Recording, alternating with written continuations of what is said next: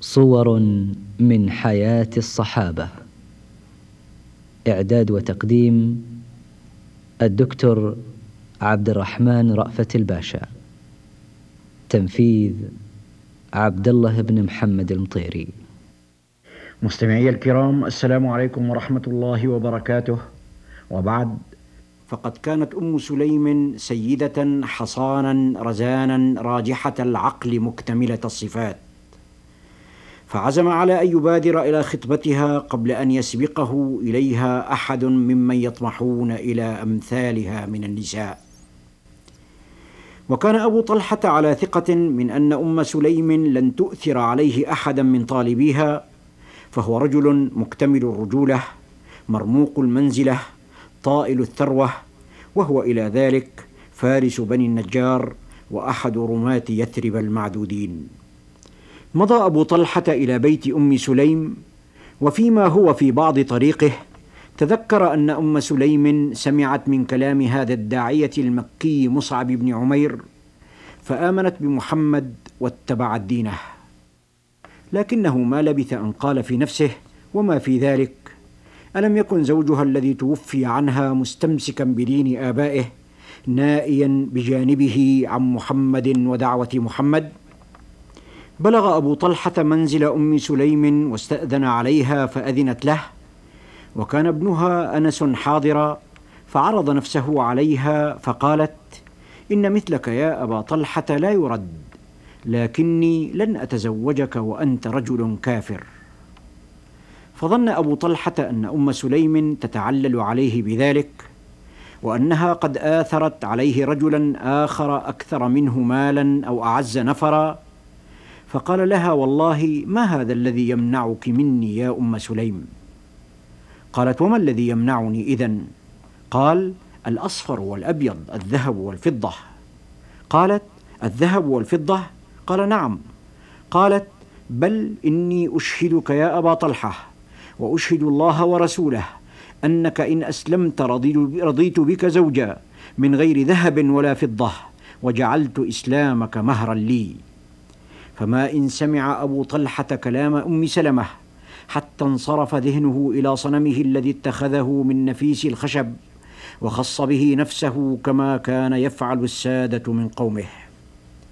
لكن أم سليم أتبعت تقول ألست تعلم يا أبا طلحة أن إلهك الذي تعبده من دون الله قد نبت من الأرض؟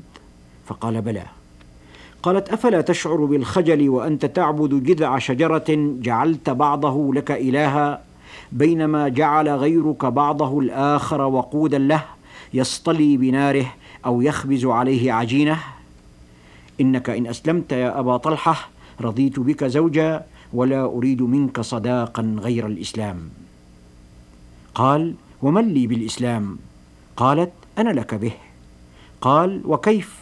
قالت تنطق بكلمة الحق فتشهد أن لا إله إلا الله وأن محمدا رسول الله ثم تمضي إلى بيتك فتحطم صنمك ثم ترمي به. فانطلقت أسارير أبي طلحة وقال أشهد أن لا إله إلا الله وأشهد أن محمدا رسول الله. ثم تزوج من أم سليم فكان المسلمون يقولون ما سمعنا بمهر قط كان أكرم من مهر أم سليم فقد جعلت صداقها الإسلام. منذ ذلك اليوم انضوى أبو طلحة تحت لواء الإسلام ووضع طاقاته الفذة كلها في خدمته فكان أحد السبعين الذين بايعوا رسول الله صلى الله عليه وسلم بيعة العقبة ومعه زوجه أم سليم وكان أحد النقباء الاثني عشر الذين أمرهم الرسول عليه السلام في تلك الليلة على مسلمي يثرب ثم إنه شهد مع رسول الله صلى الله عليه وسلم مغازيه كلها وأبلى فيها أشرف البلاء وأعزه. لكن أعظم أيامه مع رسول الله صلى الله عليه وسلم إنما هو يوم أحد. وإليك مستمعي الكريم خبر أبي طلحة في ذلك اليوم. كان أبو طلحة يحب رسول الله صلى الله عليه وسلم حبا خالط شغاف قلبه وجرى مجرى الدم في عروقه فكان لا يشبع من النظر إليه ولا يرتوي من الاستماع إلى عذب حديثه. وكان إذا بقي معه جثى بين يديه وقال له نفسي لنفسك الفداء ووجهي لوجهك الوقاء. فلما كان يوم أحد انكشف المسلمون عن رسول الله صلى الله عليه وسلم فنفذ إليه المشركون من كل جانب فكسروا رباعيته وشجوا جبينه وجرحوا شفته وأسالوا الدم على وجهه. ثم ما لبث أن أرجف المرجفون بأن محمدا قد قتل فازداد المسلمون وهنا على وهن وأعطوا ظهورهم لأعداء الله. عند ذلك لم يثبت مع رسول الله صلى الله عليه وسلم غير نفر قليل من أصحابه في طليعتهم أبو طلحة. انتصب أبو طلحة أمام رسول الله صلوات الله عليه كالطود الراسخ بينما وقف النبي عليه السلام خلفه يتترس به ثم وتر قوسه التي لا تفل وركب عليها سهامه التي لا تخطئ وجعل يذود بها عن رسول الله صلى الله عليه وسلم ويرمي جنود المشركين واحدا إثر واحد. وكان النبي عليه السلام يتطاول من خلف أبي طلحة ليرى مواقع سهامه فكان يرده خوفا عليه ويقول له بأبي أنت وأمي لا تشرف عليهم فيصيبوك إن نحري دون نحرك وجعلت فداك يا رسول الله. وكان الرجل من جند المسلمين يمر برسول الله صلى الله عليه وسلم هاربا ومعه الجعبة من السهام فينادي عليه النبي قائلا انثر سهامك بين يدي أبي طلحة ولا تمض بها هاربا. وما زال أبو طلحة ينافح عن رسول الله صلى الله عليه وسلم حتى كسر ثلاث أقواس وقتل من جنود المشركين ما شاء الله أن يقتل ثم انجلت المعركة. وسلم الله نبيه وصانح والآن بعد أن وقفت مستمعي الكريم على صورة من صور حياة أبي طلحة في حربه يحسن بي أن أقفك على بعض صور حياته في سلمه فهي لا تقل وضاءة وجلالا عن تلك. من ذلك أنه كان لأبي طلحة بستان من نخيل وأعناب لم تعرف يثرب بستانا أعظم منه شجرا ولا أطيب ثمرا ولا أعذب ماء.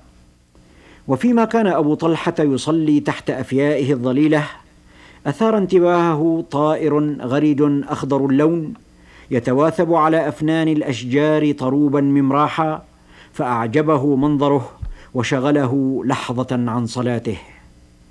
ثم ما لبث ان رجع إلى نفسه فإذا هو لا يدري كم صلى. فما إن فرغ من صلاته حتى غدا على رسول الله صلى الله عليه وسلم وشكا إليه نفسه التي صرفها البستان عن الصلاة ثم قال له اشهد يا رسول الله أني جعلت هذا البستان صدقة لله فضعه حيث يحب الله ورسوله. عاش أبو طلحة حياته صائما مجاهدا ومات كذلك صائما مجاهدا.